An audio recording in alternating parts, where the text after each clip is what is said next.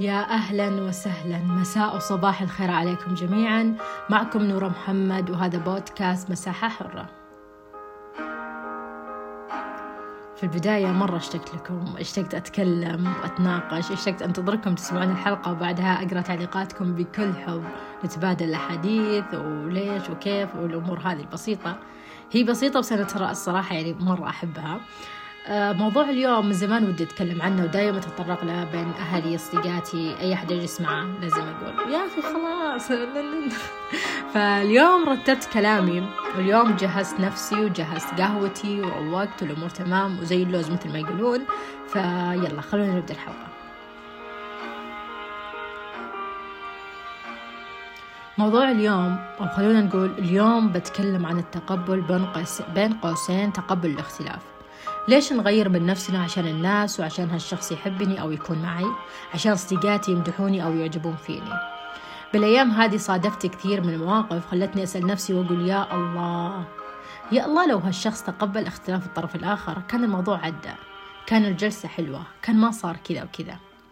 طبعا لما أقول تقبل اختلاف الشخص الآخر ممكن يكون الاختلاف طريقة الكلام طريقة التفكير طريقة آه، اللبس مثلا أمور كذا مرة بسيطة.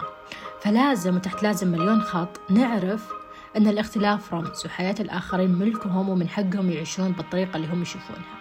لما أنت تعود نفسك أن الاختلاف جزء أساسي في هذه الحياة أنت راح ترتاح. راح كذا تحتضن اختلافك وتحضن نفسك محله لو بغيت.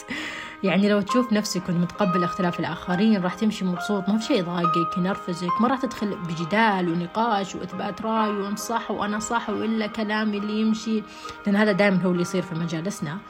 آه فدائما أسمع يا الله فلانة كيف تفكيرها؟ طب شوفي كيف ترد وش الكلام؟ طب كيف لبسها؟ كيف؟ وإلى آخر يعني كذا ما في ما في نهاية. آه طبعا هذا غير غير النقاشات اللي تصير والجدال والزعل. يعني أمور بسيطة أو خلينا نقول نقاط مواقف تلاحظ نفسك تفكر تتعب مواقف ما تستاهل. ومرات ندخل ترى بنيات الشخص ونقول إن فلان سيء ومن بس هو مو بسيء هو كذا تفكيره مختلف عننا فقط. إحنا بالحياة بنمر بتجارب بنمر بأشخاص مختلفين عننا بكل شيء. تقبل الطرف الآخر كما هو. لما خلاص تشرح لنفسك والله أنا ما هي دخل بالناس. تتقبل اختلافهم. تحترمهم أنت بترتاح. كذا قلبك يتسع. ودك تجلس مع أشخاص آه، مختلفين عنك فكريا مختلفين عنك بأشياء كثيرة. كذا بصير في قلبك اتساع. فأؤمن بالاختلاف أؤمن بالاختلاف. وأن البشر مو سواسية. خلونا نتذكر دائما أن يعيش على هذا الكوكب ملايين من البشر. الملايين هذولي مو بنسخة مننا. تقبل الاختلاف. طبعا أنا مرة أحب اقتباسات الكتب أو اقتطافات كذا قصيرة من الكتب فقرأت في إحدى الكتب للكاتب خالد الشمري كان يقول ليس من الضروري أن يتماشى الناس مع آرائك ومعتقداتك وليس من الواجب عليهم أن يكونوا انعكاسا لتفكيرك وليس واجبا عليك أن تغيرهم. عليك أن تؤمن بالاختلاف كن أكثر تقبلا للآراء وأكثر تسامحا. وتذكر ليس هناك أسوأ من شخص يرى أنه على صواب دائما. وصلنا لنهاية الحلقة وأتمنى تعجبكم.